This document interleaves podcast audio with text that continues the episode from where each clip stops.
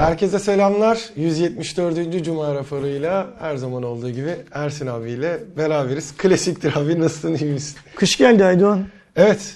Ya tam şu an geçiş böyle en sevmediğim dönemdeyiz aslında. Mayıs, Haziran filan derken bak bugün 1 Ekim. Aynen. Yıl bitiyor. 1 Ekim'in de e, benim açımdan iki güzel önemi var. bir tanesi iPhone 10 için satışa çıktığı gün. Niye? Hemen gidip alacak mısın? O yüzden mi Tabii onu istedim? bekliyorum. Ben sıra bekliyordum. Okey tamam. Ee, ikincisi de şeye bir hafta kaldı. Haftaya bugün e, yaklaşık bu saatlerde artık Formula 1'in antrenman turları başlamış olacak. Ee, 10 yaklaşık 10 yıl mı? 11 mi? Kaç yıl oluyor tam? 2011'de en son gelmişti galiba. 10 yıl Seyircili olarak tekrar şey olabilecek. Geçen senekini o yüzden saymıyoruz. Süper. Bu geride bıraktığımız hafta Türkiye'de sanırım herhangi bir kadın öldürmedik. Ee, Duymadık kediye işkence, şey. kediye köpeğe işkence yapmadık. İşte üniversiteli çocukların üzerine joplarla saldırmadık filan galiba. Ee, önemli olan tek şey motorine, motorine mi, gaza mı ne bir Şey, şey. LPG. LPG'ye yapılan zam. Direkt 71 kuruş şeye yansıyormuş. 71 pompaya kuruş yansıyor. zam olduğu için LPG'li araç kullananlar gece zam saati gelmeden önce istasyonları basmışlar değil mi? Hı hı. Öyle.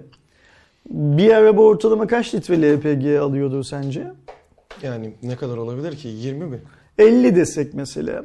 Gelen zam da 1 lira olsa 50 lira kar etmek için yani saatlerce gidip orada işte trafiği aksatıp şeyin istasyon dışına şey yapıp filan.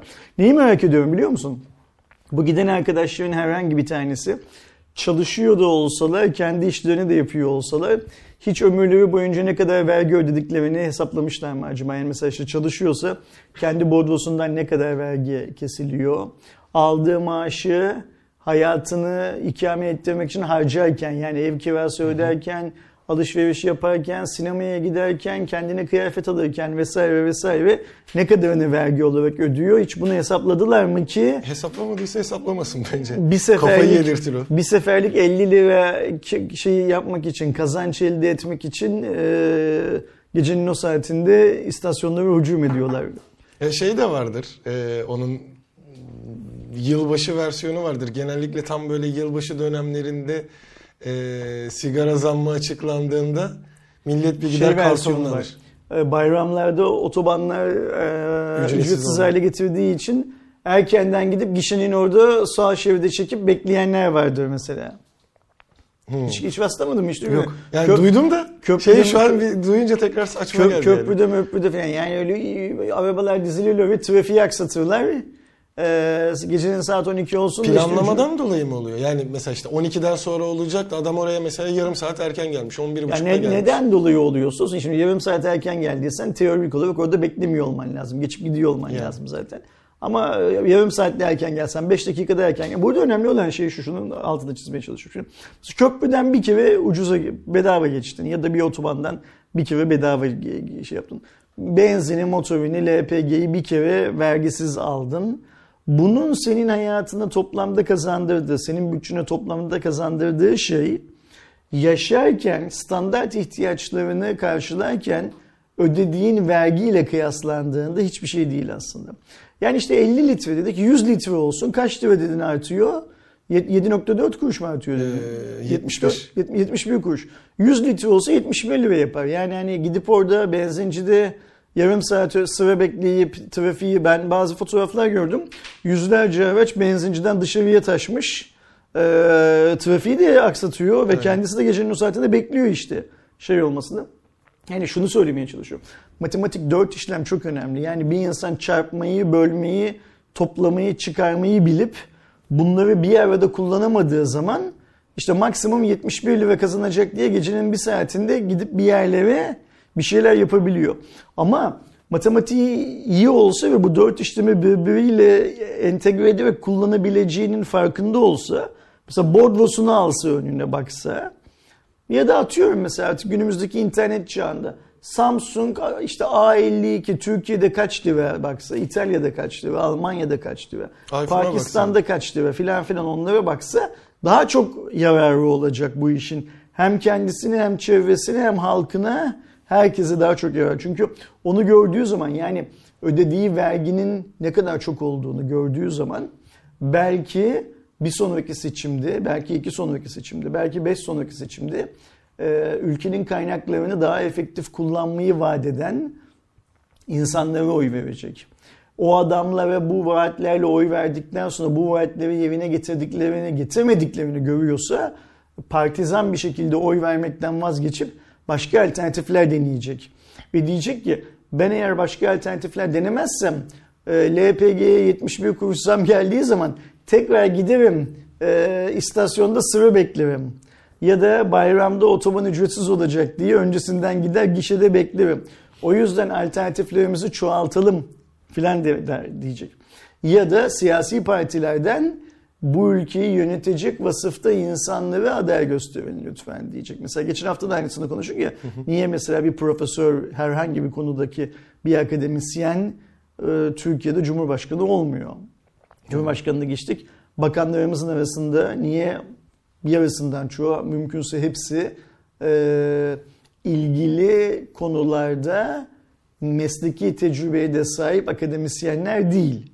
Öyle ya yani e, eğer adam o konuyla ilgili bir akademisyense benim yapacağımdan, senin yapacağından daha iyi bakanlık yapar, daha iyi cumhurbaşkanlığı yapar filan. 0.71 TL'nin 71 kuruşun peşinde koşarken litre başına başka şeyleri kaçırıyoruz aslında onu söylemeye evet. şey yapıyordum, çalışıyordum. Türkiye'nin ikinci çeyrek mobil verilerini BTK açıklamış. 2021 ikinci çeyrek haberi senden alalım ve yoğun gündemimize dalalım. Hemen başlayalım. Ee, açıklanan verilere göre ülkemizde bulunan mobil abone sayısı 85 milyona ulaşmış. Bir diğer yandan 1 e, Nisan 2016'da geçtiğimiz 4.5G abonesi de bunun 78.5 milyonu. 3G aboneleri de 4 milyon 213 bindeymiş. Yani hala da aslında 4.5G'ye geçmemiş olanlar var. Var ama burada şeyler de var. Unutma makineler de var. E tabi doğru. Yani atıyorum post cihazı bilmem ne filan gibi. Otomo, e, gerçi hadi otomobillerin daha şu an sim kartla çalışan makineler ya da santiverler bilmem neler filan da var. Onu da unutmamak Orada lazım. doğru. Orada da 4.5G'ye geçmeyenler şeydir, e, vardır baya. Bugüne kadar gerçekleştirilen numara taşıma işlemi de 152 milyona geçmiş. Ve e, bu süreçte en çok aranan 3 haneli numarada e, 182 randevu sistemi olmuş. Özellikle bu aşı olmak için, test için falan filan şeyde arttığı çok ciddi oranda bahsedilmiş. Şu toplam abone sayısı 85 milyona ulaştı demek neredeyse herkesin iki hattı var demek Türkiye'de. Yani bunu şöyle bakın. Türkiye 100 milyonluk kabataslak bir ülkedesek 18 yaşın altındakilerin zaten e, şey alması, hat alması mümkün değil. Kendi Nasıl alacak? Yani. Annesi babası, babası filan alacak. İşte 18 yaşın altındaki kardeşlerimizi 100 milyondan çıkarttığımız zaman kalan sayı 85 milyonun altındadır Türkiye'de büyük bir ihtimal. Çünkü Türkiye her ne kadar nüfusu yaşlansa da hala genç ülkelerden bir tanesi. Daha doğrusu hala yaşlı bir ülke değil öyle söylemek lazım.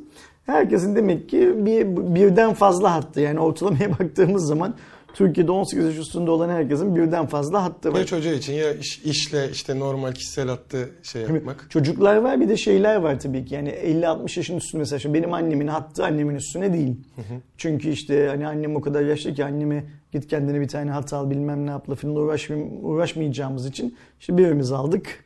O kullanıyor filan gibi hikayeler var. O yüzden bir kişinin birden fazla şeyi var, hattı var demek ki. Ee, zor bir iş bu yani BTK'nın yaptığı iş de zor. Bunu regüle etmek, kuralları belli etmek, kuralların daha sonra uyulmasını sağlamak tabii en zor olan kısmı evet. o. Ama şunu da unutmayalım. Türkiye'de hala e, çalıntı hatlar var. Yani çalıntı dediğim insanların kendilerinin haberdar olmadığı hatlar var. Evet. Bu onu bu arada e-devletten kontrol edebiliyorsunuz. Lütfen herkes kontrol etsin, ihmal etmesin. Hatta birinci temas ettiği birinci kuşak ailesindeki insanların da şey yapmalarını, kontrol etmelerini hı hı. sağlasınlar. Çünkü tamam operatörler konunun önlemini almaya çalışıyorlar benim bildiğim kadarıyla. Ama biz hala mesela işte geçen hafta Vodafone'da böyle bir şey olduğunu gördük. Adamın tekinin e, adına çıkartılan hat ve bundan 5 yıl önce mi 7 yıl önce mi çıkartılan hat son 2-3 yıldır faturası ödenmediği için e, icraya gitmiş. Adamın köyündeki arsalarına, evine filan icra gelmiş. O arsaları filan dededen kalma yani çok ortaklı bir şeyler. E, ve kazara bunu E-Devlet'ten bir şeylere bakarken öğreniyor. Vodafone'un avukatları e, icra götürmüşler adama. Ee, sonunda işte Vodafone vazgeçti davadan filan. Yani olabiliyor ne yazık ki Türkiye'de bunlar. BTK bir yandan bunların da olmasını engellemeli. Yani sadece bu istatistiği araştırmayı yayınlayıp ya bu yasak ama şeylerin e, operatörlerin böyle işler yapmaması lazım. Kime bayilik verdiklerine dikkat etsinler Tabii. filan demekle olmuyor. Bunu şu yüzden söylüyorum. Biz geçmiş aylarda da geçmiş programlarda da Cuma raporunda şeyi konuştuk. Mesela bugün Turkcell abonesi şey e, satış bayisi olan birisi yarın gidiyor damadına oğluna Vodafone Türk Telekom açabiliyor ve buradaki datayı onunla paylaşıyor. O yüzden biz böyle sürekli bilmediğimiz numaralardan tele, şey alıyoruz. Adam Onu arıyor. da bu arada kontrol edebiliyorsunuz Aynen öyle. artık. Adam arıyor seni, senin hangi şeye sahip olduğunu, sözleşmeye sahip olduğunu, sözleşmenin ne zaman bittiğini filan söylüyor Aynen. ki bunlar göreceli olarak iyi niyetli olanlar. Bir de kötü niyetli olanlar var. Arayıp insanları kandırıyorlar mesela diyor ki bak ben bu aramayı kendim aldım biliyorsun. Beni bir e, bant kaydıyla gerçek kişi aradı. Dedi ki ben sizi Türk Telekom'dan arıyorum. Sizin sözleşmeniz bitiyor. Sizin bölgenizde Turkcell Super Online daha hızlı hizmet veriyor. Ee, oraya geçmek ister misiniz dedi. Olur dedim tamam geçeyim. Bakalım nereye gidecek bu işin sonu.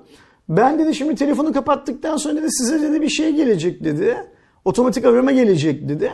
O aramada e, yes'e mi basın, evet'e mi basın filan yoksa bir kod mu? Unuttum işin tam olarak ne olduğunu. Sonra ben de onun peşinden sizi tekrar arayacağım dedi. Bu sefer pardon onun peşinden sizi başka bir arkadaşımız tekrar arayacak dedi. İşte paketiniz şu söyledi bana filan filan. Olur tanrım kapattık telefonu gerçekten bir 5 dakika sonra bir otomatik arama geldi bana. İşte hatta şey aboneliğinizi değiştirmek istediğinizi onaylıyor musunuz bilmem ne filan filan diye. Okey onaylıyorum dedim. Sonra başka bir arkadaş aradı. İşte dedi ekranıma düştü Turkcell Super Online'a geçmek istiyormuşsunuz vesaire vesaire falan. Evet dedim. Fakat şöyle bir şey var. Beni biraz önce arayan arkadaşınız benim daha taahhüdüm bitmedi. Taahhüdünüz bitti diyordu ama ben bu arada Türk Telekom'la görüştüm. Taahhüdümün bitmediğini söylediler filan yaptım. Aa dedi ben onu bu ekrandan göremiyorum dedi. Ben sadece bu ekrandan sizin abonelik işlemlerinizi yapabilirim dedi. Ne yapıyorsunuz peki o ekrandan dedim. Talebinizi alıyorum dedi. Ondan sonra işte arkadaşlarım sözleşme imzalamak için filan size geliyorlar filan yaptı. Okey dedim alın talebimi dedim. Sonra talebim alındıktan 3 gün sonra beni sağdan başka bir arkadaşı da hani böyle Süper Online'ın bayileri, bayilerden birisi. Benim evimin oradaki. İşte merhaba sizin bölgeye ben bakıyorum. İsmim Ahmet. Abonelik sözleşmeniz vardır, varmış. Siz bizi uğrayıp imza atar mısınız? Evdeyseniz ben size geleyim mi? Sözleşme... Yok dedim gelme. Ben bunu tamamen şey yapıyorum. Birincisi beni ilk arayan sahtekar e, kontratımın bittiğini, taahhüdümün bittiğini söyledi. Yok öyle bir şey. İkincisi beni ilk arayan sahtekar e, Türk Telekom'dan aradığını söylüyor. Ben Türk Telekomcularla konuştum. Böyle bir numara yok, böyle bir şey. Aa işte ben o kadarını bilmiyorum. Satış ekibi satışı yapar, bizim önümüze düşer. Biz Türkiye'nin her yerinde böyle de şeyler olarak, bayiler olarak gider sözleşmeyi imzalar. Ondan sonra da sağ ekiplerini sizin oraya hat çekmelerini söylüyoruz. Benim başka bir bilgim yok dedi konuyla ilgili. Yani bak şunu söylemeye çalışıyorum. Burada Turkcell, Türk Telekom, Vodafone olması önemli değil. Bu da kötü niyetli kullanım.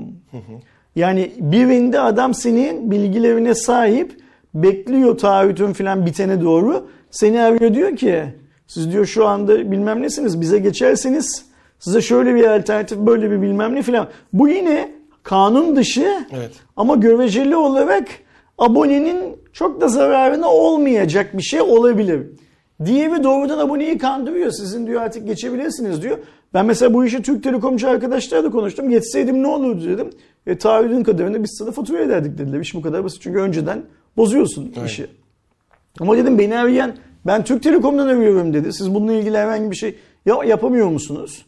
Yani birisi ben Türk Telekom'dan arıyorum. Turkcell'e geçmek ister misiniz diye arama yapıyor ve o birisinin numarası şu.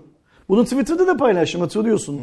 Yani Murat Erkan'ı da etiketledim yanlış hatırlamıyorsam Turkcell'i de etiketledim. Onlardan tabii ses seda yok. Onlar her zaman kulağının üstünde yatmaktan yanalar. Sorunu çözmek Murat Erkan'ın Turkcell'in falan yapacağı iş değil zaten. Onlar sorunun üstünü örtmekle uğraşıyorlar daha çok. Üstünü örtemedikleri zaman da üstünü örtecek adamların cebine haçlık koyup üstünün örtülmesini sağlarlar.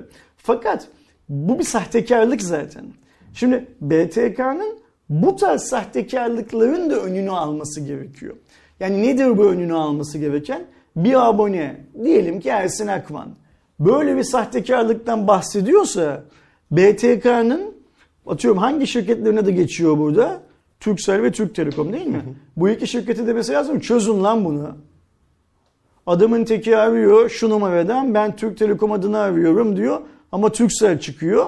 Aboneye yanlış bilgi veriyor bilmem ne filan filan. Çözün bunu. Size 3 gün müsaade demesi lazım.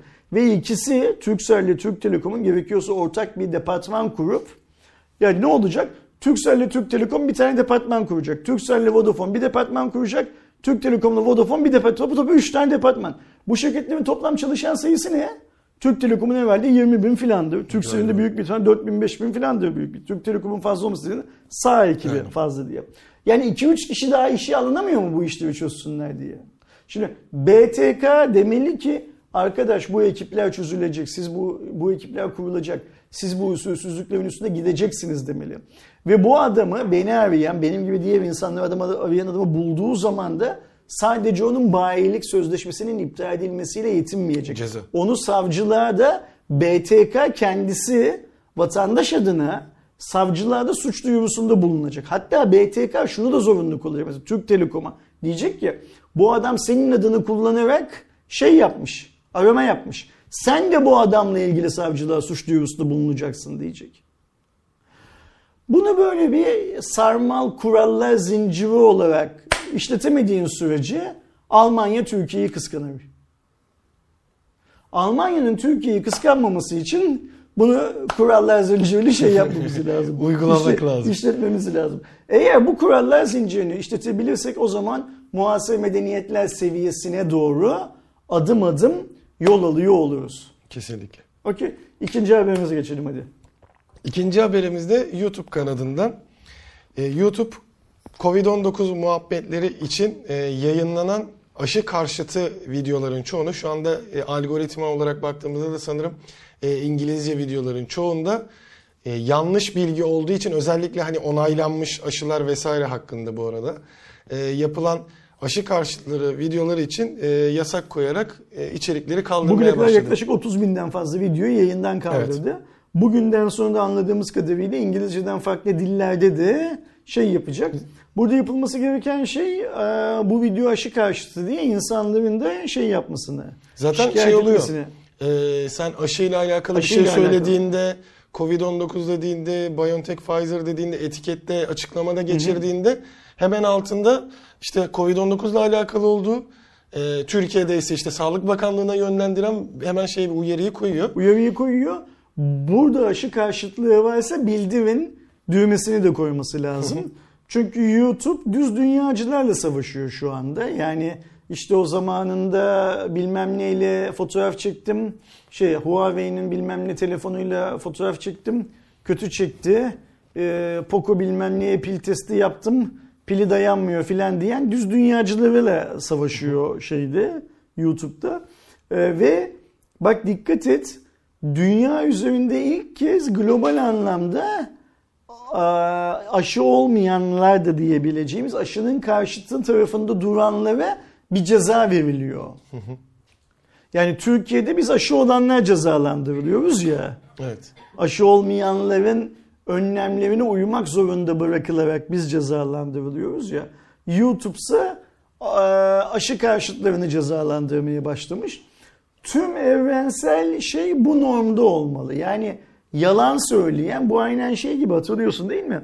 Türkiye'nin Nobel Bilim Ödülü almış biyoloji dalındaki tek bilim adamının geçtiğimiz haftalarda yaptığı e, aşı olun, aşı olmazsanız hayatınızı kaybetme riskiniz var söyleminden sonra yanlış hatırlamıyorsam Mehmet Çavuş ya da Mustafa Çavuş isimli arkadaşımızın e, hocaya ya hocam şu mRNA konusunda biraz daha okuyun Allah aşkına sizi kandırıyorlar.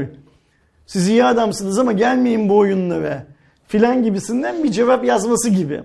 Yani eee olayın nereden tuttuğumuz Aynen. çok önemli. YouTube'un bence tuttuğu yer ilk kez güzel bir yer. Bu arada şöyle bir şey var. YouTube ilk kez tirajı oynamıyor. Bu da çok güzel. Çünkü YouTube her türlü boktan şeyin içerik olarak insanlara sunulmasından keyif alan. Buradan para kazanan daha doğrusu bir kurum. YouTube'un teorik olarak yani YouTube dediğimiz şey Google'ın aslında. Google böyle bir şirket. Google para kazanamadığı hem işten anında vazgeçen, hiçbir işi böyle zorlamayan, etliye sütlüye karışmayayım insanlar yani bu YouTube'un derdi şu. Ee, Aydoğan Ersin kavga mı ediyor? Bırakalım kavga etsinler. Biz onların kavga etsinler yayınlayan insanları sırtından para kazanalım falan gibi bir hikayesi.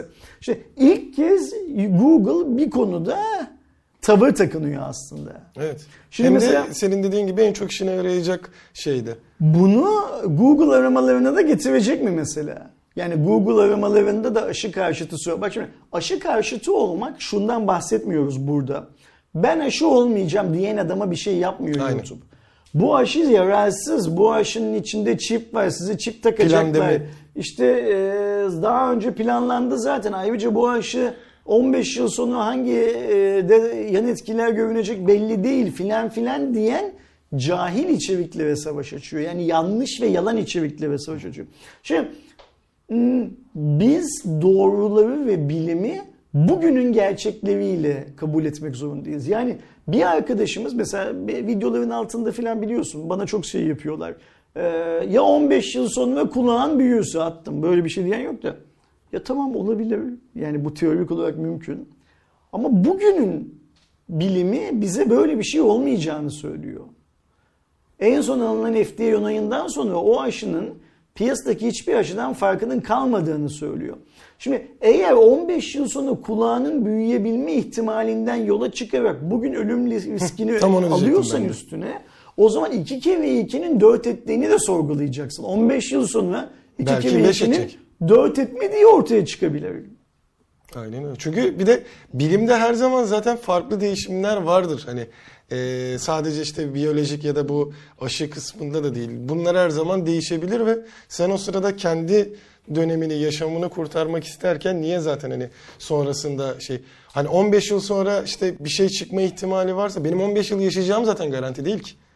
Belki Ya ben 10 yıl sonra öleceğim. Mehmet Çavuş ya da Mustafa Çavuş isimli arkadaşımız da zaten büyük bir ihtimalle 15 yıl yaşayacağını filan şey yapmıyor. Ne derler e, garantilemiyor. Burada önemli olan şey cahillik Aydoğan. Yani bilimsel şüphecilik tabii ki bizim Covid'in on- Covid-19'un oluşumuna da dünyaya çıkışına da bu kadar yayılmasına da önlemlerine de ve her şeyi bir bilimsel şüphecilikle yaklaşma hakkımız var. Bilim zaten bunu gerektiriyor. Ancak e, bu aşı hiçbir işe yaramıyor demek bilimsel şüphecilik değil. Şöyle de bir şey var işte en başından beri. Ben aşı olmayacağım. E olma kardeşim aşı. Sana, sana zorla aşı yaptıracak hali yok kimsenin. Ama sen aşı olmuyorsun diye uygulanacak kurallardan benim etkilenmemem lazım. Sen aşı olmuyorsun evinden sen çıkma o zaman. Sen aşı olmuyorsun ve fellik fellik dolaşıyorsun diye. Ben niçin sokakta maske takmaya devam ediyorum? Ben niçin işte e, be- benim çocuğum okula gittiği zaman niçin bilmem kaç zamanda bir test yaptırmak zorunda kalıyor filan gibi dertler var. Aşı olmayanlar uçamayacak desinler. Aşı olmayanlar otobüse bine toplu taşımaya binemeyecek desinler. Aşı olanlar rahat etsin. Ha o zaman da diyorlar ki bu insan haklarına aykırı. Değil kardeşim insan haklarına aykırı. Niye insan haklarına aykırı? Senin insan olarak şöyle bir hakkın var değil mi? Aşı olmak ya da olmamak. Olmamayı tercih ediyorsan sonuçlarına sen katlanacaksın. Sonuçlarına senle birlikte ben katlanmayacağım. Sadece sen bu senin çünkü kişisel olarak verdiğin bir karar. Aynen. İstediğin kadar aşı olma. Ölür gidersin yani. En nihayetinde bir pamuk tıkıyorlar iş bitiyor. Aa, ve her gün de görüyoruz ne yazık ki. Bir yığın insan sadece Türkiye'de değil. Dünyada bir yığın insan vefat ediyor. Vefat edenlerin büyük bir kısmının da aşı olmayanlar arasından çıktığını görüyoruz. Yani bir nevi iş doğal seleksiyona döndü. Bunun bile farkına varmayan heriflerle e, işte aman aşılanalım kimseyle görüşmeyelim. Kapı çaldığı zaman sipariş geldiğinde parayı şeye bırakıyorum. Sen de paketi bırak git diye bilmem ne iş yapana yani iş- işlerini böyle çözen insanlar var piyasada. Aşı olanla aşı olmayan eşit. Eşit değil arkadaşlar aşı olanla aşı olmayan. Toplumsal yaşam içinde aşı olanla aşı olmayanın eşit olması mümkün değil. İnsan olarak tabii ki eşittir. Eşit hak ve özgürlüklere sahiptir ama aşı olmayanın özgürlüğü benim özgürlüğümü kısıtladığı noktada bitiyor. Kusura bakmasın. O yüzden umuyorum ki YouTube'un sahibi olan Google aşı karşıtı içeriklere, yalan yanlış içeriklere de aynen buradaki hassasiyetle müdahale eder. Ne yapacak? Onları silecek hali yok tabii ki. Onları Arabada trafik yönlendirmekten vazgeçer. Umuyoruz ki. Bu çok Uyarı önemli. ekler. Nasıl? Uyarı ekler. Uyarı ekler tamamen e, Crow'dan çıkartır yani taramadan tamamen çıkartır. Öyle. O sitenin sahibi de kendisine trafik gelmediğini görünce ben nerede hata ettim diye düşünüp sorunun ne olduğunu bulur, çözer belki. Yani bunlar yapılmayacak şeyler değil. Yani şey Google'un botları fark eder zaten onu. Yapay zeka Tabii, tabii ki canım yani hani bundan sonraki aşamanın ne olması lazım? Web'den de bu içeriği temizlemek lazım. Ha şudur. Dünyanın herhangi bir yerinde 3 tane akademisyen bilim insanı bir araya gelmiş. Aşının e, efektlerini, yan etkilerini araştırma konusunda bir şeyler yapıyorlardır. O adamların yaptığı çalışma e, tabii ki yayınlanacaktır. Tabii ki. Zaten hani Olumlu da olsa, olumsuz da olsa, sonuçlansa da sonuçlanmasa da tabii ki yayınlanacaktır. Çünkü o bir akademik çalışmadır. Yayınlanmak zorundadır o Kesinlikle. zaten. Ya o tabii ki hani karşıt da bir şey olsa zaten hani e, aşı karşıtı düşünenlerin hani olmamayı tercih edenler ayrı bir şey. Hani onlar farklı çekince oluyor. Ortaya çıkan işte yalan yanlış bilgilerden de etkilenip olmak istemeyenler oluyor. Korkuyor yani işte şey olduğu için çok fazla araştırmadığı ya da doğru araştırma yapmadığı için ama zaten bilimin temelinde ne olursa olsun şu anda geçerli olan bütün bilimsel gerçeklerde ya da işte bu aşı çalışmalarında da tersini işleyerek ilerlediğini unutuyorlar. Çünkü bilimsel bir e, tez ortaya koyulduğunda ilk zaten bu tezi ortaya atan kişi şeye çalışır. Söylediğinin doğru olmadığını şekilde o tezin gerçekliğini bulmaya çalışır. Birçok aşamada deneyerek çalışır ya da diğer e, bilim adamları da onun doğru olmadığı üzerinde çalışarak onun doğru olduğunun ya da doğru olma ihtimalinin yüksek olduğunu farkına varırlar. Bu açıdan düşündüğünüzde biraz da aslında rahat edebilirsiniz de diyelim. Ve Xiaomi fabrikasında yani Xiaomi'nin Türkiye'deki fabrikasında mutlu sonu öyle mi? Evet. Biliyorsunuz Xiaomi'nin Avcılar'daki Salcomp tarafından e, işletilen fabrikasında e, grev ve işçilerle yaşanan sorunlar vardı. Son dönemde de şeyin biraz daha aktif rol oynadığını görmüştük. E, sendikanın daha iş, Türk Metal İş e, Sendikası'nın daha aktif rol oynadığını görmüştük. Yapılan açıklamaya göre artık mutlu sona ulaşılmış. E, mutabakat sağlanarak yani sendikanın sunduğu şartlarla Salcomb'un e, yaptığı görüşmeler sonucunda mutabakat sağlanarak grev yapanlar grevlerini sonlandırdı, işten çıkarılanlar işlerine geri dönmüş oldu ve e, sorun çözülmüş oldu denebilir. Ve toplu iş sözleşmesi için gereken süreçte başlatılacak. Yani işte bize maaş sözü verdiler, maaşımıza zam sözü verdiler, maaşımıza zam yapmadılar vesaire vesaire gibi konular münferit olarak işçiden işçiye değişmeyecek. Onların adına Türk İş patronla oturup ya da patron temsilcisiyle oturup toplu iş sözleşmesi yapar hale gelecek. Süper bir olay. Benim tahmin ettiğimden daha erken sonuçlandı. 170 kişi varmış işten uzaklaştırılan. O 170 kişinin de tekrar görevlerine geriye alınacağı, işe geriye alınacağı bildirildi. Bu arada Türk İş Genel Sekreteri Pevrul Kavlak Instagram hesabından da bu tarz şeyleri anlık olarak duyurdu insanlara bilgilendirmek adına. Ona da teşekkür edelim. Ee, ne diyorduk? Hukuk neyi gerektiriyorsa Xiaomi ya da Salcom fark etmez. Onlar da bunu yapmak zorundalar. Öyle canlarının istediği gibi yani sen maaşına zam mı istiyorsun hadi seni işten çıkartıyoruz. İşte sen e, fazla mesai yapmıyor musun hadi seni işten çıkartıyoruz. Sen fazla mesai yaptın ama sana fazla mesai parası vermeyeceğiz. Filan gibi uygulamaları dünyanın belki başka ülkelerinde yapabiliyordur. Ama Türkiye'de yapamayacağını söylüyorduk. Ve bunu ya yapmakta ayak diretirse başının belaya gireceğini yani sadece üretim merkezi olarak değil Xiaomi markasının da Türkiye'de başının belaya gireceğini söylüyorduk. Ee, erken yola geldiler sağ olsunlar. Yani hani e, yaptıklarının hata şimdi bu sayın Pevrul Kavlağ'ın açıklamalarından anlıyoruz ki şirket yaptıklarının yanlış olduğunu kabul edip bir daha yapmayacağını ve Evet. hatayı da düzelteceğini söylemiş. Umuyoruz bu sürecin sonunda tek bir tane bile mağdur kalmaz Evet. orada çalışan arkadaşlar arasında ve hak ettikleri yani neyse o hak ettikleri şey hak ettiklerini patrondan almak konusunda sendika onların haklarını sonuna kadar şey yapar. Biz Türkiye'de Xiaomi'nin adının fabrikadaki grevle, işçi ele çıkartmakla, işçilerin hakkını yemekle filan filan anılmasından zaten memnun değildik. Evet. Bizim işimizin çünkü ters bir boyutu. Yani teknoloji şirketi olduğu için böyle alengirli bir konuya biz de karışmak zorundayız. Ee, daha doğrusu izleyenlerimiz karışmamız gerektiğini düşünüyorlar. Hı hı. İnsan olarak tabii ki o şeyiz, karışmak zorundayız ama işin üretim boyutu bizim aslında çok fazla içinde olduğumuz bir şey değil. Evet. Yer değil. Ayrıca bu iş sırasında öğrendik ki bu Türk İş'in ilgili birimi, işte metal iş bilmem ne filan departmanı aynı zamanda Beko'nun, Vestel'in, Arçelik'in filan filan fabrikalarında da sendika e, düzenlemelerinden sorumlu olan e, iş koluymuş. Bunu da yine nereden öğrendik? Pervul Kavlan kendi Instagram'da yaptığı paylaşımlardan öğrendim ben. Sular durulmuş olsun. Geriye dönük olarak şu son bir iki ay içinde kimin hakkı yendiyse o haklar o insanlara iade ediliyor evet, olsun. Kesinlikle. Sendika, Önemli olan o. Sendika işini yapsın. Fabrikada mal üretsin. Bize satsın. İşte satabiliyorsa yurt dışına satsın. Çünkü bizim şu anda Türkiye olarak bize satılacaktan daha çok yurt dışına satılacak olan mala ihtiyacımız evet. var. Bunun telefon olup olmaması çok önemli değil. Neden ona ihtiyacımız olduğunu bir sonraki haberde zaten e, detaylı olarak konuşacağız. Eğer bu fabrika, Xiaomi fabrikasındaki mutlu sonla ilgili söyleyeceğim başka bir şey yoksa Yok. hızlıca bir sonrakine Sadece geçelim. Sadece sevindiğimi söyleyebilirim.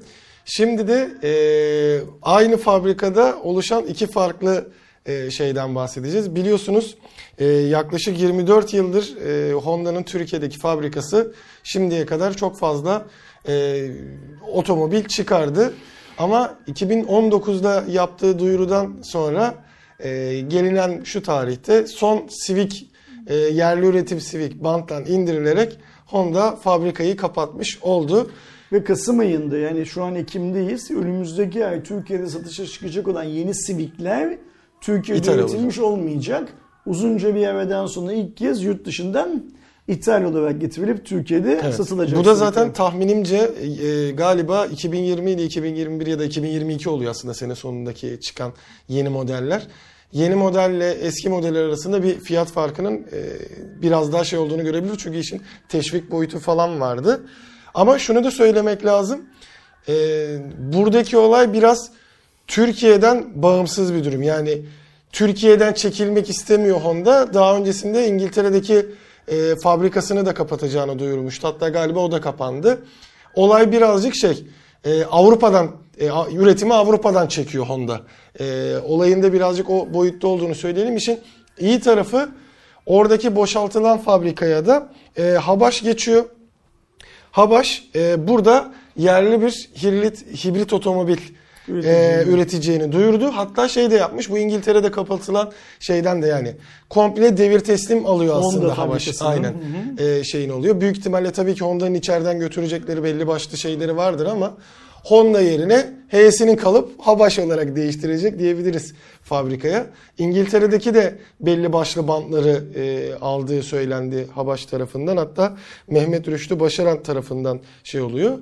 Ee, başka büyük, bir büyük bir fabrika 80 bin metrekare kapalı alana sahip bir fabrika kocaman evet. bir fabrika ve yıllık geçmişe Honda üretimine baktığımızda 50 bin, 50 bin otomobil, araç üretebiliyor. 50 bin otomobil üretebiliyor. 50 bin otomobil Aydoğan süper bir rakam. Yani 365'e bölersen bunu günlük kaç tane ürettiğini şey yaparsın. İyi bir rakam. Yaklaşık şey 1100 kişi çalışıyordu. 1100 kişiye iş veriyormuş. 1100 aile demek süper bir şey. Yani hı hı her aile üçer kişi olsa çekirdek aile olduğumuzu varsaysak 3300 kişiye yapar. Zaten Çok ne kadar doğru olduğunu bilmiyorum da e, şeyi de bu işte 1100 kişi istihdam sağlayan fabrika kapandığında e, zaten bir işin tabii ki onların alacakları e, mevzusu var şey olarak tazminat, e, tazminat olarak. Hı. Ama bir diğer yandan yani şu anda söylenti aşamasında sanırım da hiçbiri de işsiz kalmış. Yani birçoğu Habaş'ta devam edecekmiş. Bazıları farklı firmalara ya da TOG'a falan geçiş olmuş anladığım Uma, kadarıyla. Umarım öyle olmuştur. Şimdi o fabrika kapanıyor.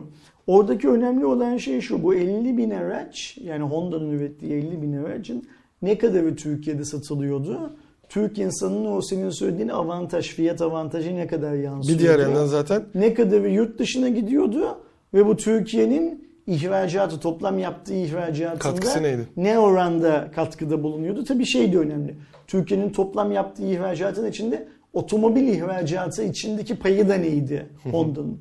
Ve tüm bu rakamlardan gibi Habaş ne zaman üretime geçecek öyle ya şimdi biz TOG'dan sonra Türkiye'de ikinci bir otomobil markasının daha doğduğunu anlıyoruz bu Evet, haberden aslında öyle değil mi? teknik Çünkü olarak öyle bir şey. Habaş'ın sahibi Mehmet Rüştü Başaran Bey TOG için üretim yapacağız filan demiyor. Biz kendi otomobilimizi üreteceğiz. Evet. Yerli ve milli bir otomobil üreteceğiz. Demek ki ikinci bir otomobil projesi var. Ve Habaş bu fabrikada yıllık 50 bin araç rakamına çıkabilecek mi? 50 bin araç rakamına çıkmasa bile yani altında ya da üstünde bile kalsa ne kadarlık bir katma değer üretecek? Habaş'ın yaptığı üretimin ne kadarı Türk insanına artı değer, ne kadarı Türk ihracatına artı değer olarak şey yapacak. Ve en önemlisi ne zaman? Evet. Yani tamam işte fabrikanın alanını satın almışlar süper. Honda'nın İngiltere'de kapattığı fabrikadaki üretim bantlarını da satın almışlar. O da süper. Muhtemelen o üretim bantları bugün yarın gelecektir ya da çoktan gelmiştir Türkiye'ye bilmiyoruz. Ama ne zaman fabrika tekrar şeye hmm, üretime geçecek? Şimdi mesela Mesela üç gün- aslında kapasite daha mı artacak? Çünkü İngiltere'den de ekstra şeyler almış. Bilmiyoruz onlar açıklamada yok. Mesela 3 gün eğer fabrika kapalı kalacaksa 3 günlük üretim şey yapılabilir, e, telafi edilebilir bir üretim. Zaten hani Ee, gerektiğinde bazı aynen öyle yani kapandı. 3 gün kapandı kalıp 4. gün eğer Habaş üretime başlayacaksa e, %10 mesai yakalarak bile bir hafta 10 gün içinde o 3 günlük fark kapanır. Ama bir yıl eğer kapalı kalacaksa ya da işte Habaş'ın o yeni otomobili ne zaman piyasaya çıkacaksa o süre zarfında Türk ekonomisinin e, de bir açık olacak bu. Bunu da unutmamak lazım. Yani biz e, yabancı yatırıma muhtaç olan ülkelerden bir tanesiyiz ne yazık ki. Nedeni ne olursa olsun Honda'nın Türkiye'den gidiyor olması, üretimini Türkiye'de kapatıyor olması Türk ekonomisi için şey bir şey değil. İyi bir şey değil. Aynı yere Habaş'ın fabrika açıyor olmasına rağmen çok iyi bir şey değil. Bunu da unutmayalım. Yani Habaş bu girişimini o fabrikanın yanındaki araziyi satın alıp orada bir fabrika kurarak da yapabilirdi. Ne olurdu o zaman? Honda kalırdı, Habaş da üretirdi. Bizim üretim gücümüz iki misli artmış olurdu. Şu an bir yandan üretim gücü kaybediyoruz. Öbür yandan da Habaş yerli ve milli bir şey üreteceğim diyor. İnşallah tez zamanda üretir. Uzun süredir Ee, ilk defa böyle bir şey duyduk bu arada. Yani bir işte e, iş adamının çıkıp Yani ya da patronun çıkıp böyle bir şey yapacak. çok zor. Biz en son e, Jet Holding'in ürettiği, üreteceğini söylediği arabada kalmıştık. Yani e, bireysel girişim olarak. Neydi onun adı? Benim de aklıma gelmiyor şu an. Unuttum ben de adını. Ee, hatta işte bir prototip gösterilmişti bilmem ne filan filan. Onun süreçleriyle ne yazık ki TOG'un süreçleri birbirine çok benziyor. TOG da fabrika olmadan bir tane şey gösterdi bize. Prototip gösterdi ama o prototipin nihai ürün olup olmadığını falan hala bilmiyoruz. zaten şu her zaman farklılık vardır. O yüzden inşallah sonu şey İmza. olmaz. He? imza. İmza. İnşallah Habaş'ın sonu Jet'in sonu gibi olmaz. Jet Holding miydi? Jet bir şey miydi? Jetpa. Jetpa. Jetpa'nın gibi olmaz ve biz Türkiye sokaklarında önde TOG, arkada Habaş'ın arabası, önde Habaş'ın arabası, arkada TOG gibi yerli elektrikli arabalarımızı bir an önce, yarın değil, bugün görürüz inşallah. Kesinlikle yani şey olması çok güzel ama dediğim gibi hem şaşırttı hem de e, of dediğin gibi fabrikanın bayağı bir uzun süre şey olması lazım ya da ya sessiz sedasız ön şey çalışmaları yapıldıysa o ayrı yani ya da belli yerlerden lisans alınıp direkt üretime Otomobil geçecekse yapmak ne yazık ki fritöz makine, fritöz makinesi yapmak gibi, tost makinesi yapmak gibi, çay ocağı yapmak gibi kolay işler değil. Evet. Ee, zor bir iş. Yani TOG'un arkasında 100 milyonluk Türkiye'nin desteği olmasına rağmen TOG'un nasıl ilerlediğini görüyoruz. Bak mesela şimdi Habaş'ın sahibi Mehmet Rüştü Başaran Bey para vermiş fabrika alanını satın almış. Para vermiş İngiltere'deki malzemeleri satın. TOG bunların hiçbirisi için para vermedi. TOG'un fabrika alanı TOG'a tahsis edildi. Buna rağmen TOG ürünü çıkartamıyor bir türlü ve Evet. ürünü tam olarak hangi gün çıkartacaklarını şey de yapamıyor, eee, söyleyemiyor da. O yüzden zor bir iş bu. Bu işi eee şeyle karıştırmamak lazım. Tost makinesi imalatıyla işte çay makinesi imalatıyla falan karıştırmamak lazım. Ne zaman yolda görürüz lastikli ve tekmelinebilir hale geliyor arabanın. o zaman şey yapmak, değerlendirmek lazım. Merakla bekliyoruz. TOG'u merakla bekliyorduk. Artık Habaş'ı da merakla bekliyoruz. Hani merak edenler için de kısaca şey yapayım diğer haberimize geçmeden. Hani Habaş'ı bilmeyenler için. E, ben de merak edip baktığımda özellikle doğalgaz konusunda çok fazla e, çalışmalar yapmış bir firma olarak görünüyor ama enerji alanında tabii ki ve sinayi ve tıbbi e, gazlar konusunda da çok fazla şey yapmışlar demir çelik konusunda. Bir diğer yandan e, Anadolu e, Bankası'nın da sahibi olan grup Habaş Grubu. Ne güzel. Topluluğu daha doğrusu. Hayırlı olsun onlara. Diyelim. Müjdeli haberlerini bekliyoruz. Kesinlikle. Bir diğer yandan aslında kısmi olarak e, resmi satışı bulunan OnePlus 9 serisi şimdi artık tamamıyla e, OnePlus Türkiye olarak da satışına başlandı. E, fiyatlar birazcık beklentileri üzmüş olabilir. Çünkü baktığımızda OnePlus 9 e, 12.500, Pro ise 15.800 TL'den e, birçok yerde hatta şeyde de yani online tarafında e, satılmaya başlandı. Yani iPhone fiyatlarıyla yarışır fiyatlar bunlar. Hatta yani daha ucuza şu an iPhone 13 var. iPhone fiyatları OnePlus fiyatlarıyla yarışır halde öyle de söyleyebiliriz. Başka bir şeyden bakıp açıdan bakıp. Bizim beklediğimiz tabii ki OnePlus bu değildi. Ama işte vergi yükünü şey yapmamak lazım, unutmamak lazım.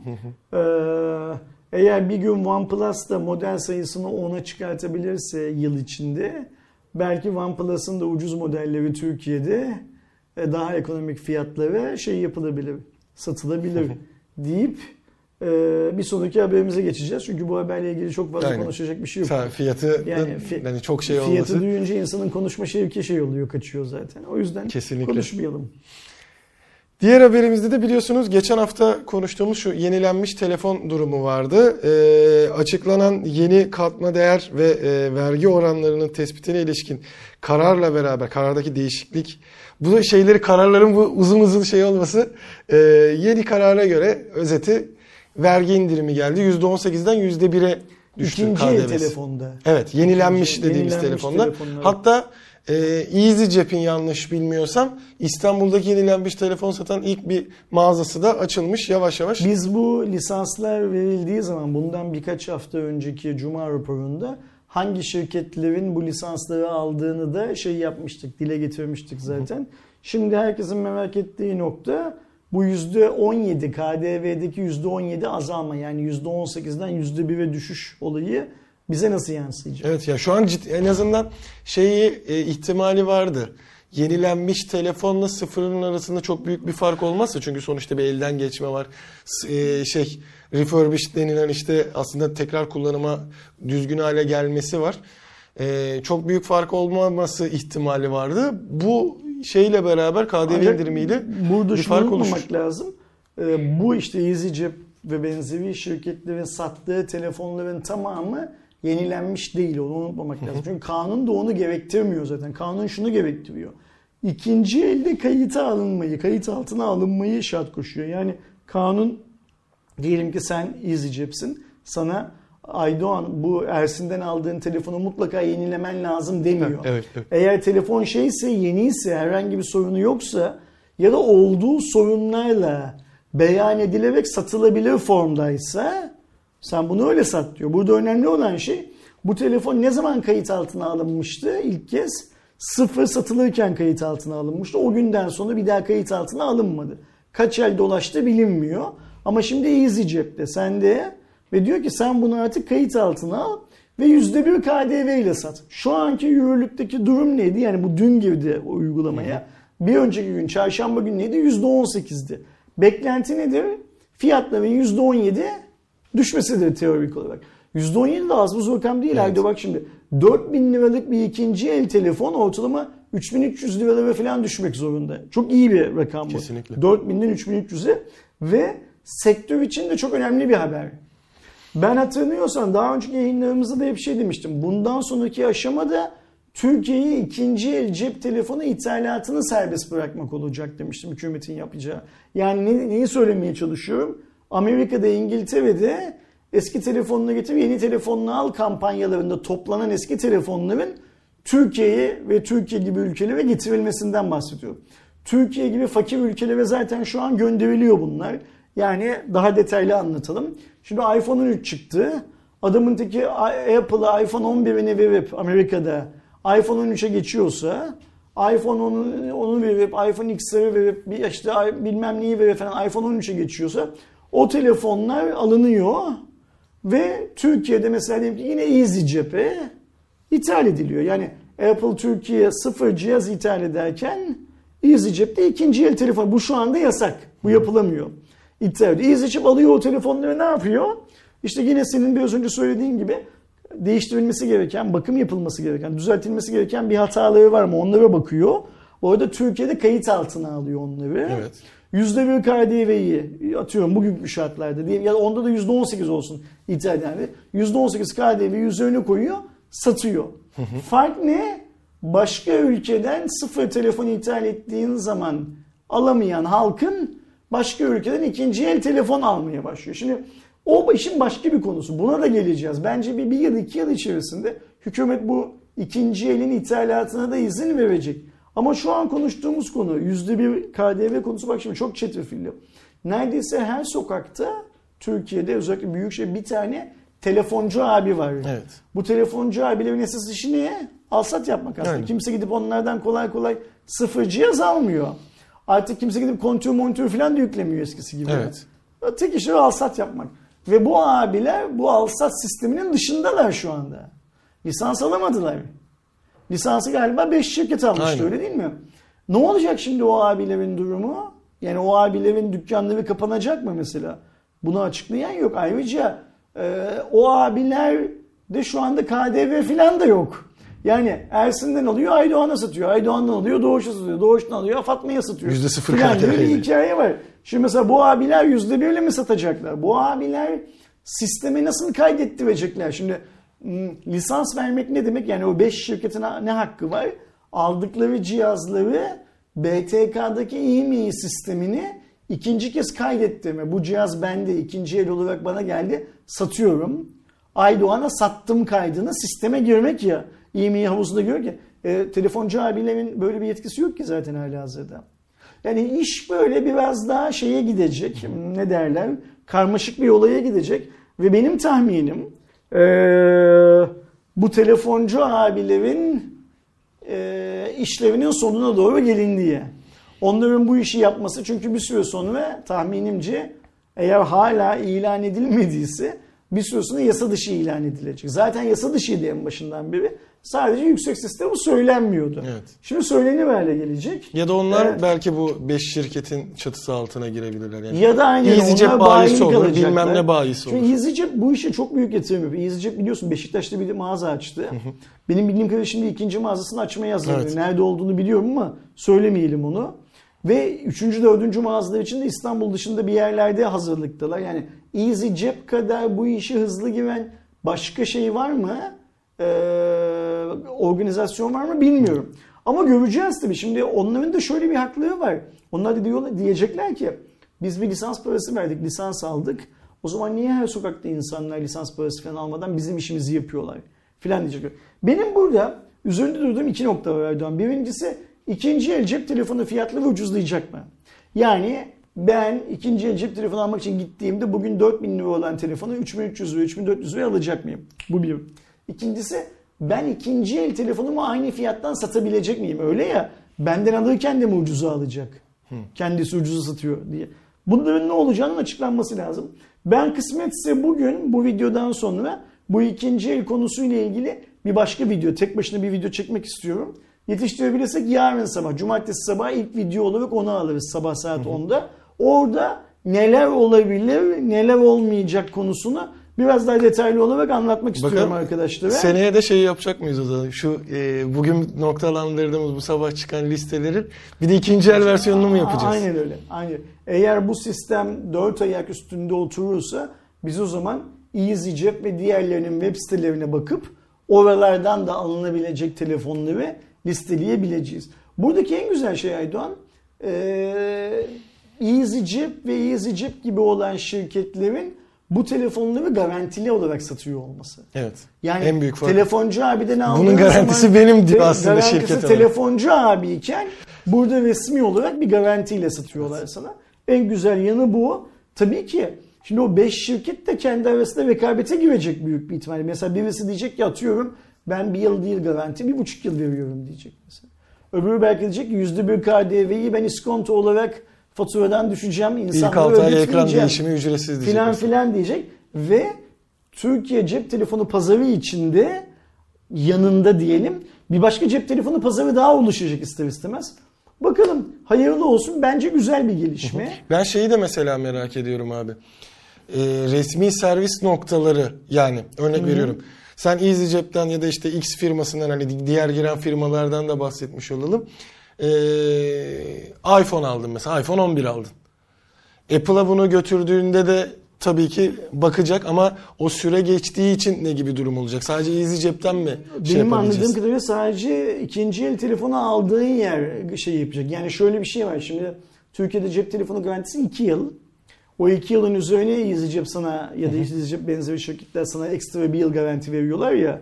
O bir yıl garantiyi onlar veriyor olacaklar. Ya sadece ona çünkü şey sıkıntısı da olabilir. Hani şu an için tabii ki Apple bakar parasıyla ama bu yurt dışından getirilen ikinci ellerde şey sıkıntısı vardı. Sonuçta parçalar denk olmadığı için e, örneğin sen Apple'a gittiğinde seninkisi belli bölgelerin cihazı değilse Apple buna bakamıyor. Elindeki yedek parça uyumsuzluğundan dolayı. Ya da Samsung'da da bu geçerli. Tahminimce diğer markalarda da geçerlidir. Burada işte ben yine de parasını vereyim deyip e, diğer servislere de gitme imkanın olacak mı? Zamanla şey göreceğiz olacak? neyin nasıl olacağını. Zamanla göreceğiz. Çekebilirsem bugün bu konuyla ilgili video çekeceğim. Yarın sabah kanalda. Buradan da duyurusunu yapmış olalım. Ee, Bir diğer e, yerli firmamıza geçtiğimizde e, General Mobile'ın Foxconn ile bir işbirliği yaptığını görüyoruz. Ee, Foxconn'u zaten en başta harbiden hani Apple'la beraber duymuşsunuzdur. Apple'ın birçok üretimi hatta sadece Apple değil Intel vesaire de olan bayağı büyük bir firma. Hatta Türkiye'nin dünyanın en büyük e, üreticilerinden biri diyebiliriz Foxconn Foxconn'a. aslında bir anakart, ekran kartı üreticisiydi geçmişte. Ama üretim gücü çok yüksek bir üreticiydi. Apple iPhone'lar için kendisini güvenilir bir üretim merkezi aradığında Foxconn'u buldu. Evet. Ve ondan sonra da Foxconn dünyanın en büyük taşeron üreticisi haline geldi. Aynen. Şu anda e, herhalde artık şeyle eskisi kadar ilgilenmiyorlar. Anakartıyla, ekran kartla falan ilgilenmiyorlar. Bildiğim galiba. kadarıyla hayır. Ee, Benim bildiğim kadarıyla 2000'li yılların başında 2003-2004 gibi yanlış hatırlamıyorsam Foxconn galiba emin değilim ama HP ile birlikte Türkiye'de serbest bölgede de küçük bir imalathane fabrika tarzında bir şey açmıştı. Ne ima, ne üretiyorlardı, ne yapıyorlardı bilmiyorum ama Türkiye'de de bir Foxconn oluşumu vardı. Ee, hala var mı, ne oldu, ne bitti konusunda hiçbir bilgim yok ne yalan söyleyeyim. Sen devam et tabii lütfen. Ee, Foxconn'la stratejik ODM e, tedarikçi işbirliği olarak geçen bir e, sözleşme yani anlaşma yaptılar burada. Bu yapılan işbirliğiyle tüm dünyadaki geniş band çözümlerinin yüksek hızlı ve veri iletim teknolojisiyle sunulması amaçlanıyor General Mobile tarafından. 5G ve Wi-Fi 6 çözümlerinin mesh teknolojisiyle bir araya getiren e, ürünlere odaklanmak istenen General Mobile yüksek hız ve geniş kapsama alanı sunan e, ürünlerle de donanım ve yazılım uyumu geliştirip kurumsal şey de yapacakmış. Şimdi bu bültende benim kafamı çelen iki laf var. Birincisi tüm dünyada diyor. Oradan şöyle Ben de bir şu şey an mi tam anlıyorum? anlamadım. Yani acaba General Mobile Foxconn'a ürettirdiği tabletleri filan bütün dünyada mı satışa çıkartacak? Bunu mu anlıyoruz? Bunu mu anlıyoruz? İkincisi de kurumsal müşterilere sunacak diye bir laf var. Acaba General Mobile bireysel, consumer dediğimiz bireysel ürünler ürettirmeyecek Foxconn'a kurumsal ürünler mi ürettirecek diye düşünüyorum ama bir yandan da öyle bir pazar var mı düşünüyorum. Yani satış elemanlarının kullandıkları bazı tabletler vesaire filan var. Acaba onlar mı? Bilmiyorum General Mobile'ın yaptığı açıklamadan daha bir de hani fazlasını 5G ve Wi-Fi 6 anlamıyorum. çözümlerin mesh teknolojisi Ayrıca falan diyor. A çok- işine mi giriyor yani? Ayrıca şeyi de çok anlamıyoruz. Bu üretim Türkiye'de mi yapılacak? Foxconn'un dünyanın herhangi bir yerinde muhtemelen Çin'deki fabrikasında mı yapılacak falan onu da çok fazla anlamıyoruz. Sadece şöyle bir şey anlıyorum ben.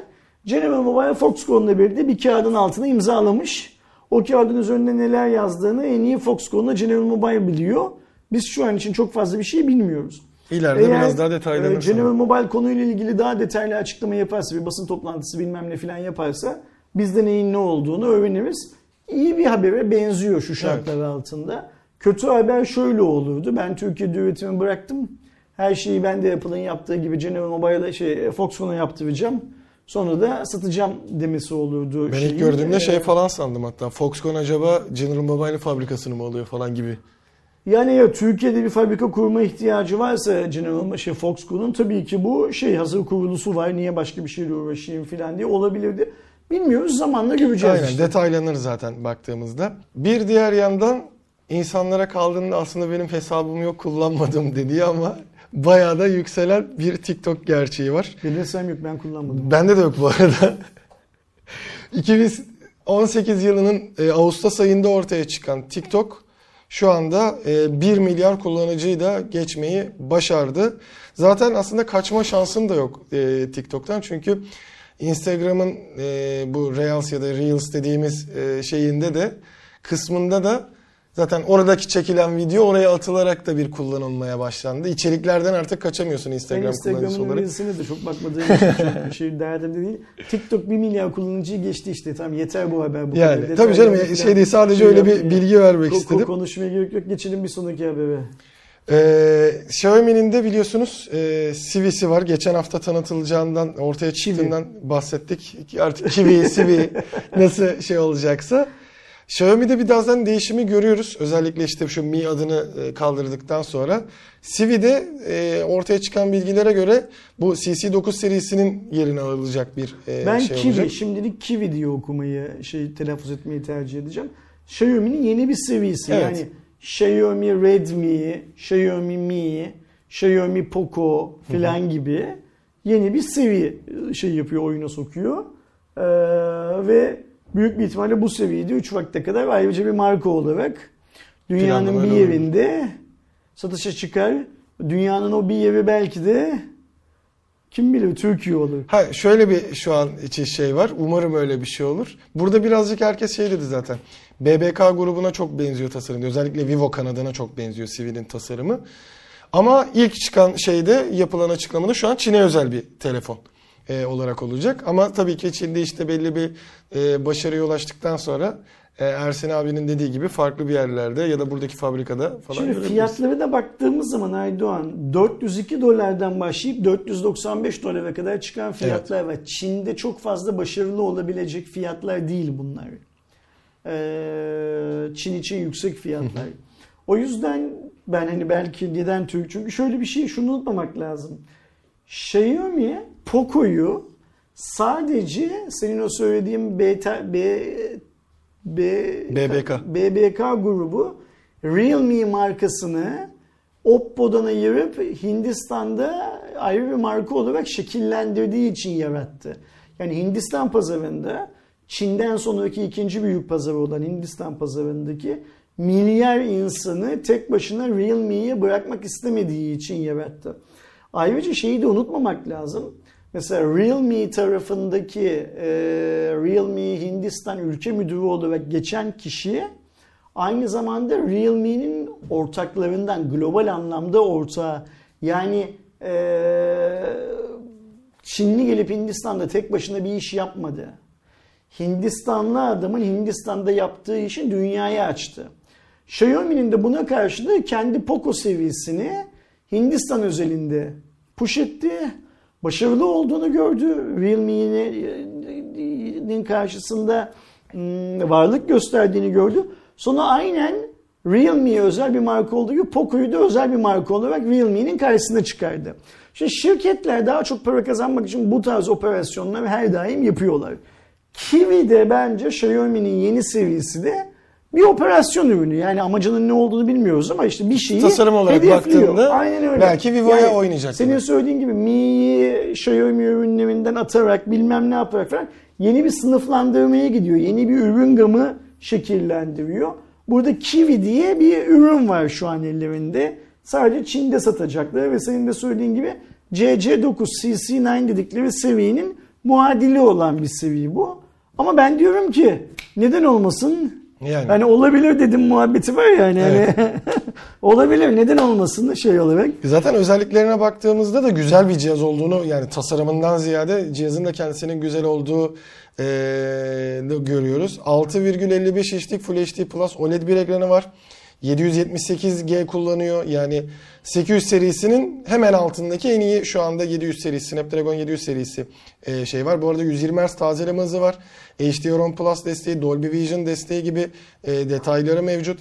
Ee, bir diğer yandan 812 RAM, 128 256 depolama. Ee, kamera tarafında da 64, 8 ve 2 megapiksellik üçlü bir e, arka kamera 32 megapiksel. Ön kamera 4500 mAh batarya 50 baş, 55 watt hızlı şarj desteği gibi böyle sürüp giden şeyler var ama sadece mesela Xiaomi demeyip böyle bir telefon çıktı dediğimizde bile hemen akla şey getiriyor buradaki şeyler. Oppo'yu ve Vivo'yu falan getirebilecek detaylarda bir şey görüyoruz. İşte 55 watt değeri mesela Renault 5'te falan görüyorduk. Xiaomi genellikle ya 33 ya 65 falan filan böyle garip değerler kullanıyordu.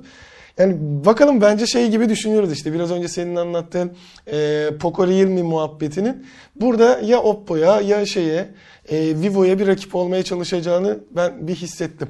Dedim ki neden olmasın? De- dedim olabilir. Dedim Şey- olabilir yani hani neden olmasın? Bakalım göreceğiz. Gelelim ucu bir yandan bizi de şey yapan, dürten yeni vergi reformu Evet, paketinin son haberimizle. şekillen nasıl şekillenmiş? Pamuk eller cebe diyor. Şimdi vergi reformu çıktığında hatta e, bizim HVP'de de e, yazan Sena yazdı bu içeriği de.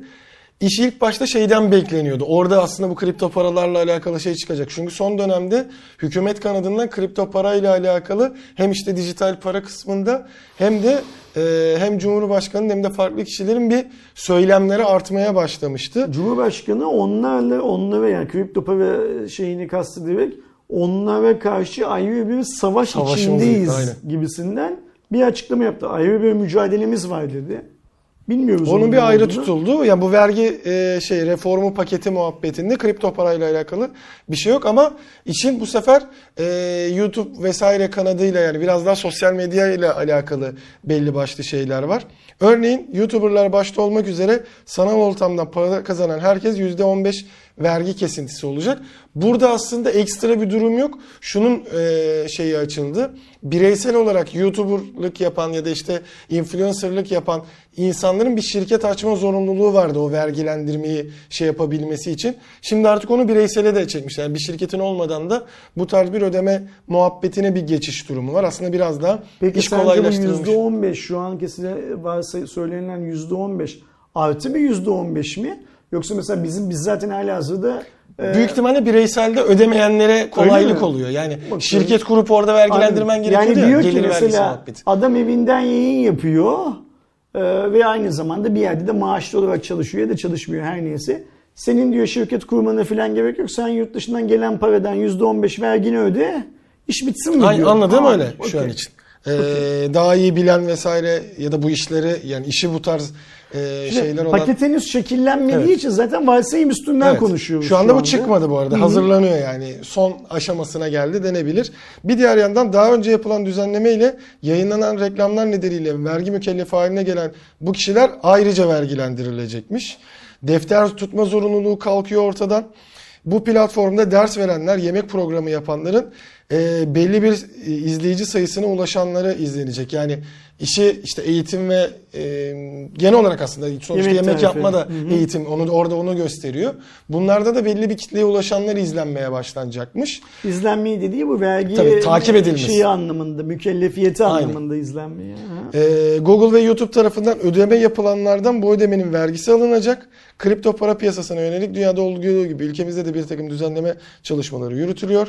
Yetkiler tarafından e, işte pek olumlu bakılmayan şeylerde şu anda ayrı tutuldu. Onunla alakalı bu reform paketine bir şey dahil edilmedi yapılan çalışmada. Bunun e, dediğim gibi e, ekstra bir yükümlülükten ziyade e, biraz daha olayı kavrayıp evet artık burada bir pazar var. Burada bir e, gelir durumu var.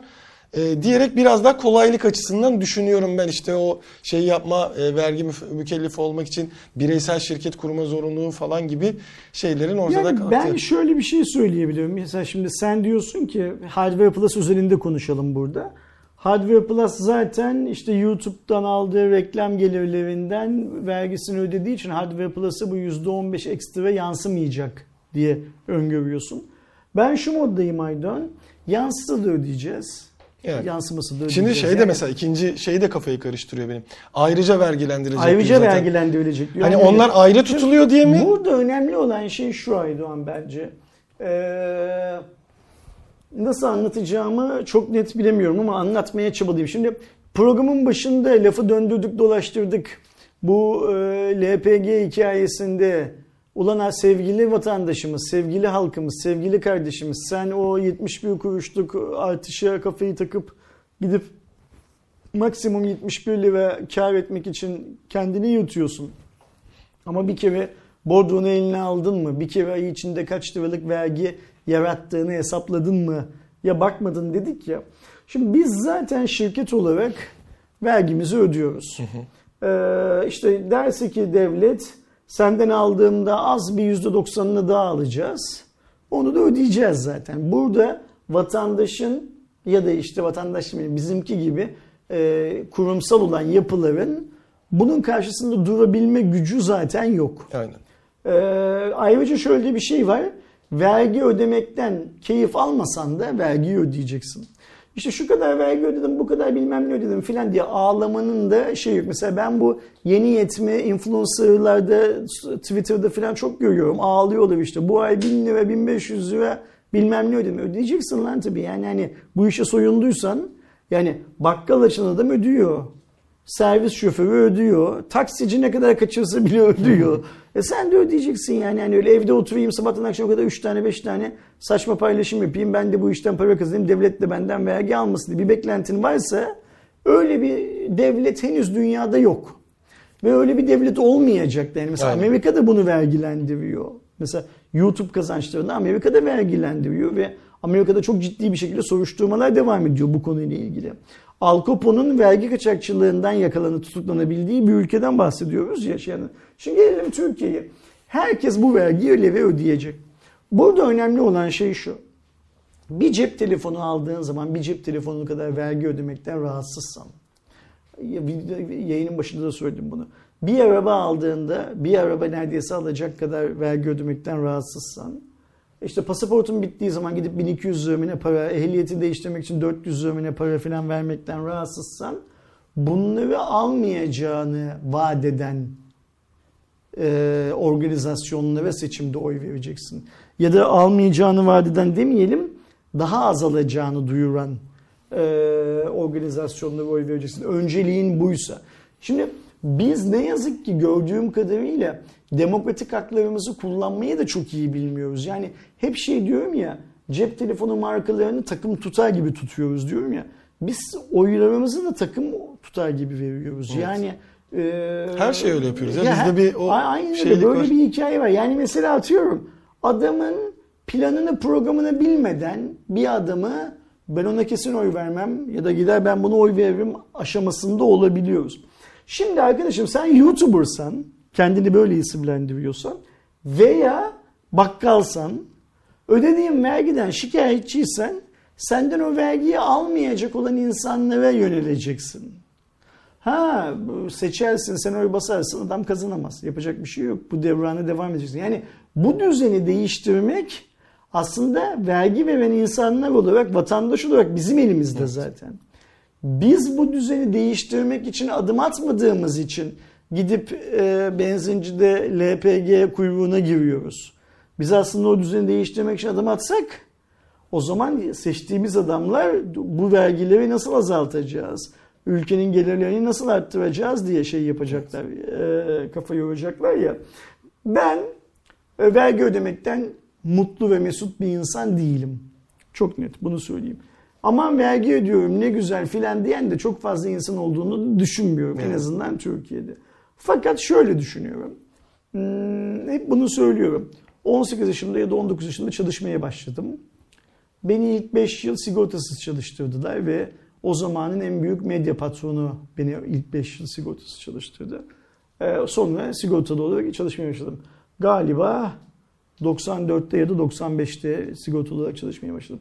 O günden beri aldığım maaştan, yaptığım tüm harcamalarımdan hiç vergi kaçıramıyorum. Bütün vergimi ödüyorum. İşte bu şirketi kurduk 2013 yılında. 2021 ne olmuş? 8 yıl olmuş. 8 yıldır burada vergileri ödüyoruz. Ödüyoruz yani. Vergi %1 de olsa ödüyorsun. Yüzde yüz yapsa da Yüzde olur. yüz de olsa ödeyeceksin zaten. Yani şimdi yapacağın işin bu. Bu işi bu şartlar altında yapacaksın. Vergiden şikayet edilir mi? Vergiden şikayet edilir de şuna bakmak lazım. Yani vergilendirdikten sonra cebine ne kadar para kalıyor? Tamam Türkiye'deki vergi sisteminin eleştirilecek çok fazla noktası var. Hatta belki elle tutulur noktası yok desek bile belki doğru olur. Ama bunu ya Aydoğan şu şöyle bu böyle ile konuşarak düzeltemiyoruz. Bunu nasıl düzelteceğiz? Futbol takımı tutar gibi hayata yaklaşmadığımız zaman düzelteceğiz. Yani seçim zamanı geldiğinde alacaksın Ahmet'in programı neymiş, Mehmet'in programı neymiş diye bakacaksın. Bak Cem Uzan mazot 1 lira olacak dedi. Adamın mazotu 1 lira yapmasına izin vermediler. Kim izin vermedi? Biz izin vermedik. Şey anlamında. Yani şunu söylemeye çalışıyorum. Ee,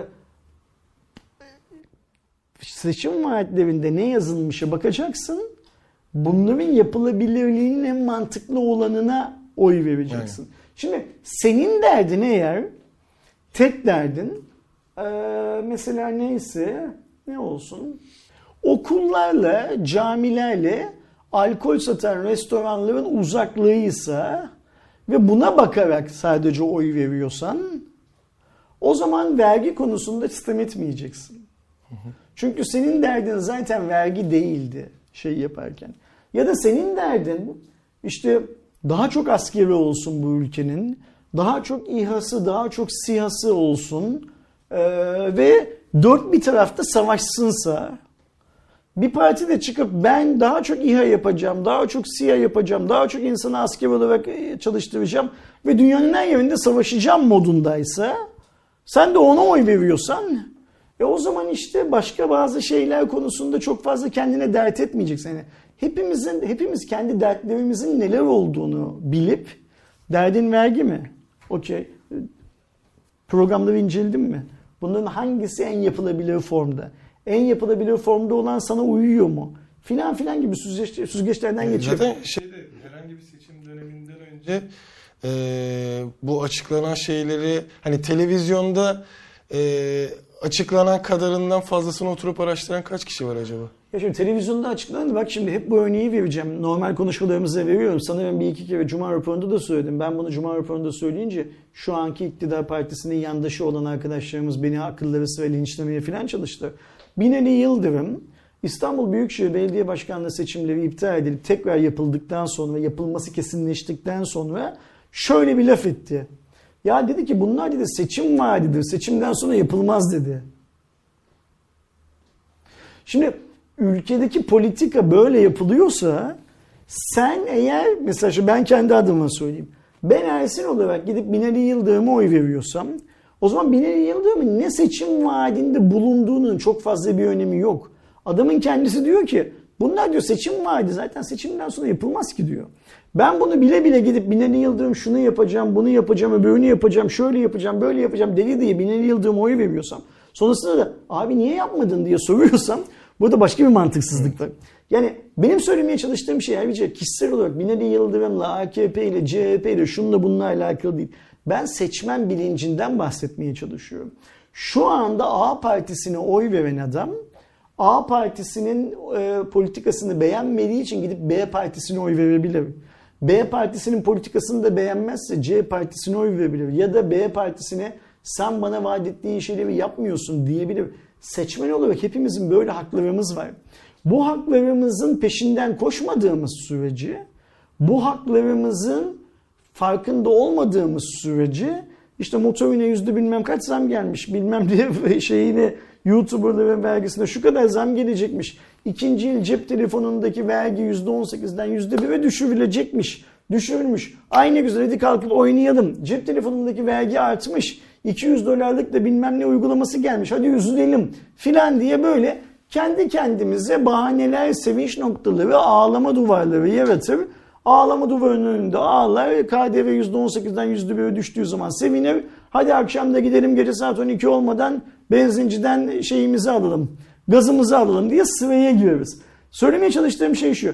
Bunların hiçbirisini seçmen yapmak zorunda değil.